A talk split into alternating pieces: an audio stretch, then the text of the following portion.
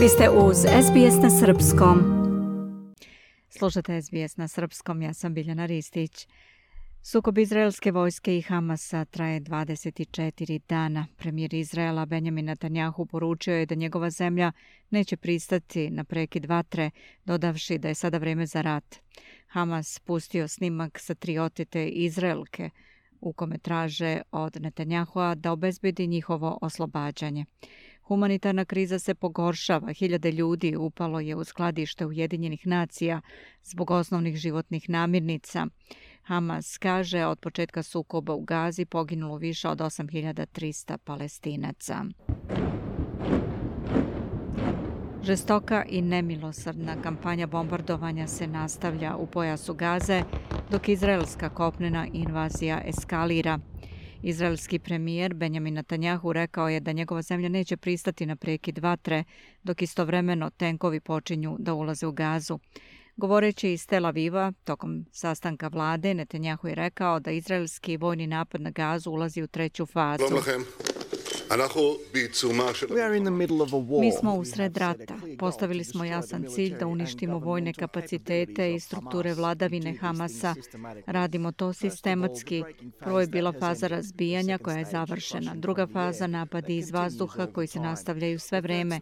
Treća faza IDF je proširio operaciju svog kopnenog ulaska u pojas gaze. Čini to odmerenim, veoma snažnim koracima, praveći sistematski napredak korak po korak. Rekao je on. Prema podacima Ministarstva zdravlja u Gazi, broj ubijenih palestinaca dostigao je najmanje 8306. Ujedinjene nacije su izvestile da su na osnovu ovih podataka skoro 70% ubijenih u Gazi bile žene i deca. Regionalni direktor Svetske zdravstvene organizacije za vanredne situacije Rick Brennan kaže da je situacija u Gazi ravna humanitarnoj katastrofi. To je katastrofa povrh katastrofe. Zdravstvene potrebe rastu, a naša sposobnost da zadovoljimo te potrebe brzo se smanjuje. Trećina bolnica ne funkcioniše, 71 od 100 klinika ne funkcioniše. Ne možete da zamislite kakvi su uslovi u tim kolektivnim centrima ili u domovima ljudi koji su bili dovoljno velikodušni da druge porodice prime, da budu sa njima. Uslovi života su daleko ispod ljudskih, rekao je on. Komitet za zaštitu novinara saopštava da je u nedavnom nasilju ubijen 31 novinar, 26 palestinaca, 4 izraelca i jedan libanski novinar Reutersa. Reporteri bez granica, nevladina organizacija koja štiti slobodu informisanja, kaže da je njihova istraga utvrdila da je serija od dva udara sa izraelske granice u kojima je ubijen novinar Reutersa Isam Abdallah i ranjeno šest novinara Reutersa, Al Jazeera i agencije AFP 13. oktobra bio ciljani napad – Jonathan Dagger, šef odeljenja za Bliski istok u organizaciji Reporteri bez granica, kaže na osnovu video dokaza i svedočenja očevidaca, cijela grupa i njihova vozila su bili jasno identifikovani i obeleženi kao pres i bili su pozicionirani daleko od graničnih sukoba. Istraku objavljujemo u ovom trenutku jer je mogla definitivno da dokaže da je lokacija na kojoj su novinari stajali u Alma Shaabu eksplicitno gađana ne jednim već sa dva udarca u razmaku od 37 do 38 sekundi koji su dolazili sa istočne strane iz pravca izraelske granice.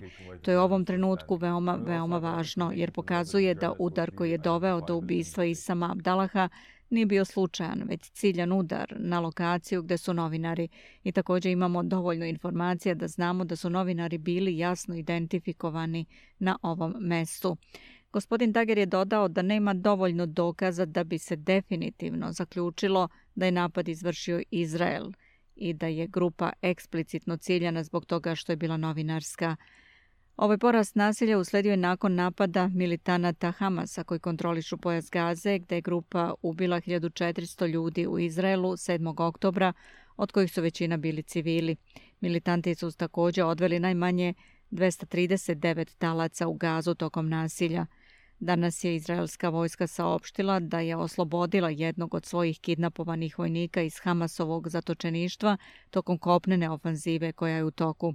Prijatelji i rođaci preostalih talaca apelovali su na njihovo oslobađanje na konferenciji za novinare u Tel Avivu.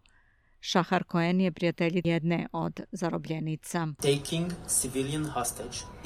Uzimanje civila za taoce je zločin protiv čovečnosti i vama građani sveta kažem da i vi možete pomoći. Ustanite, progovorite, zahtevajte akciju, apelujte za našu zajedničku humanost. Podsjetite vaše lidere da oni nisu samo taoci, oni su voljene bake, očevi, sestri i deca, pravi ljudi sa srcima koja kucaju, Znači, koji čekaju da budu slobodni. U Sjedinjenim državama strah od netrpeljivosti prema jevrejskom i muslimanskom narodu nastavlja se u uzavrelom političkom pejzažu u kojem su zabeleženi neki od najvećih protesta u novijoj istoriji te zemlje. Jevrejski studenti na Univerzitetu Kolumbija u Njujorku održali su konferenciju za štampu pozivajući upravu univerziteta da pruži bolju podršku studentima.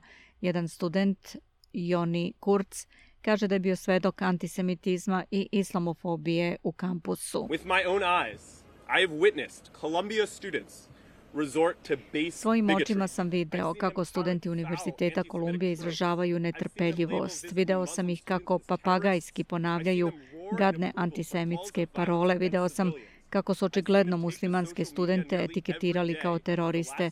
Video sam ih kako urlaju u znak odobravanja poziva na nasilje nad civilima. Video sam kako se obraćaju na društvenim medijima skoro svakog dana u posljednje tri nedelje i pozivaju na međusobno ubijanje, rekao je ovaj student. Autor ovog priloga je Sam Dover za SBS News. A u Njujorku je počela hitna sednica Saveta bezbednosti Ujedinjenih nacija o humanitarnoj krizi u pojasu Gaze, koja je sazvana na zahtev Ujedinjenih Arapskih Emirata i Kine. Ambasador Rusije pri Ujedinjenim nacijama Vasili Nebesnja izjavio je da se na Bliskom istoku dešava katastrofa biblijskih razmjera, dodajući da nikakve humanitarne pauze neće pomoći. Kineski ambasador pri Ujedinjenim nacijama, Zhang Yug, izjavio je da je nedelovanje Saveta bezbednosti Ujedinjenih nacija dalo zeleno svetlo za nastavak eskalacije na Bliskom istoku. Prema njegovim rečima, Bliskoistočni mirovni proces je trenutno na ivici kolapsa.